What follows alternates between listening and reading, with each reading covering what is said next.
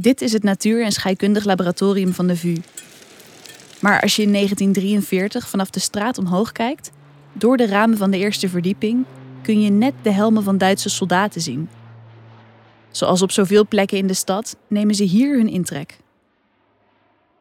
Dat is in de loop van eind 43 en in 44. Dan komen daar Duitse afdelingen in dat laboratorium werken. Eerst de hele eerste verdieping. Dat was de scheikundeafdeling. De Weermacht die vestigt daar dus een, wat zij noemden, gasschutzschule. Uh, waar de soldaten dus geoefend werden om hun gasmaskers te gebruiken. Daar werd dus lessen gegeven aan soldaten door officieren. Die zaten op de eerste verdieping. Op de tweede verdieping, daar werd gewoon gewerkt bij natuurkunde en de wiskundeafdeling. Ja, dat is dan ook het geweldige. Daar, op die tweede verdieping, dat werd een centrum van verzet. Op de tweede verdieping, recht boven die Duitse soldaten, helpt hoogleraar scheikunde Jan Koops de ondergrondse. In zijn lab worden persoonsbewijzen vervalst en voedselbonnen nagemaakt. Vanaf het voorjaar van 1943 is het voor jongens steeds gevaarlijker op straat. De universiteit is gesloten, de studenten kunnen er niet meer zijn. Voor meisjes is het wat minder gevaarlijk. De Duitsers verdenken ze minder snel. Twee studenten, Rie Brouwer en Trui Koning, rollen via hun hoogleraar Jan Koops zo het verzet in.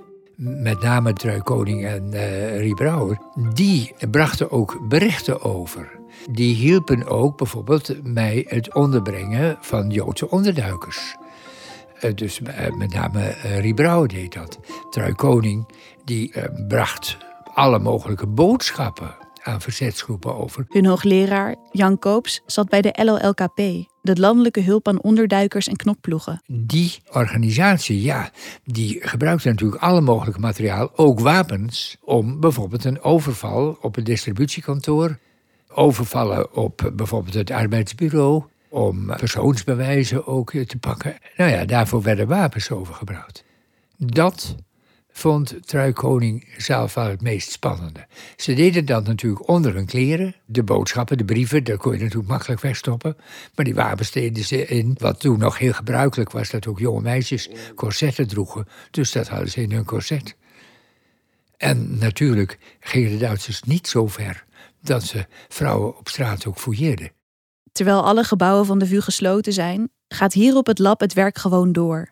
Door het komen en gaan van jonge medewerkers valt het niet zo op dat ook hier talloze onderduikers zitten. Veel van die onderduikers, dat waren studenten. Die, die werkten op het lab. Dus dan leek het net alsof daar gewoon gewerkt werd. Wanneer er natuurlijk dreiging was van de Duitsers, dan eh, konden ze gewoon eh, wegduiken eventueel. Maar dan kon er ook gezegd worden, ja, dat zijn onze werknemers. Om de zoveel tijd doet de veiligheidsdienst een inval in het lab. De onderduikers vluchten dan alle kanten op. Er waren kelders, daar waren allerlei ruimtes in.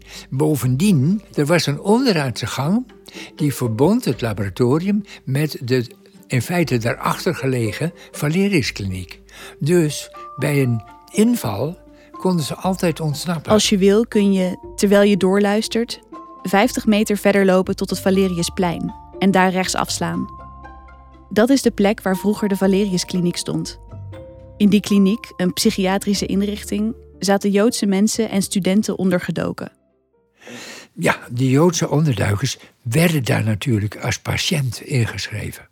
Dus konden als patiënt onder een andere naam gewoon een tijd lang verblijven. Maar moesten uiteindelijk natuurlijk vandaar ook weer naar andere onderduikplaatsen worden vervoerd. En de kliniek werd natuurlijk nooit overvallen, want dat is een ziekenhuis. Dat deden die Duitsers. En precies dat maakte de kliniek ook tot een geschikte geheime vergaderplaats. Voor het college van vertrouwensmannen. Die vertrouwensmannen moet je voorstellen als de vertegenwoordigers in feite van de verschillende belangrijke politieke stromingen in Nederland. Illegaal uiteraard, want waar waren ze mee bezig? Ze waren bezig met coördinatie voor wat er moest gebeuren als het land bevrijd zou worden in 1945. Dus dat college, dat werd dan ook genoemd in de Londense regering, het college van vertrouwensmannen. Het zijn er wel allemaal mannen. Willem Drees zat erin bijvoorbeeld, de latere minister-president. En Jacobus Oranje, de hoogleraar rechtswetenschappen die bij hem thuis stiekem tentamens afnam en die zij studenten opzocht in Duitsland. Zo is ook vanuit dit college van vertrouwensmannen het verzet vanuit de VU ook verbonden met het grotere Nederlandse verzet. Maar wat moet er gebeuren met de talloze Joodse kinderen die, ook hier in de kliniek, ondergedoken zitten? Als de bevrijding steeds dichterbij komt, wordt die vraag ook steeds dringender. Wat moet er met ze gebeuren? Loop door over het Valeriusplein, over de Emma-laan, tot je vlak voor de ingang van het Vondelpark aan je rechterkant de Koningslaan nummer 31 ziet.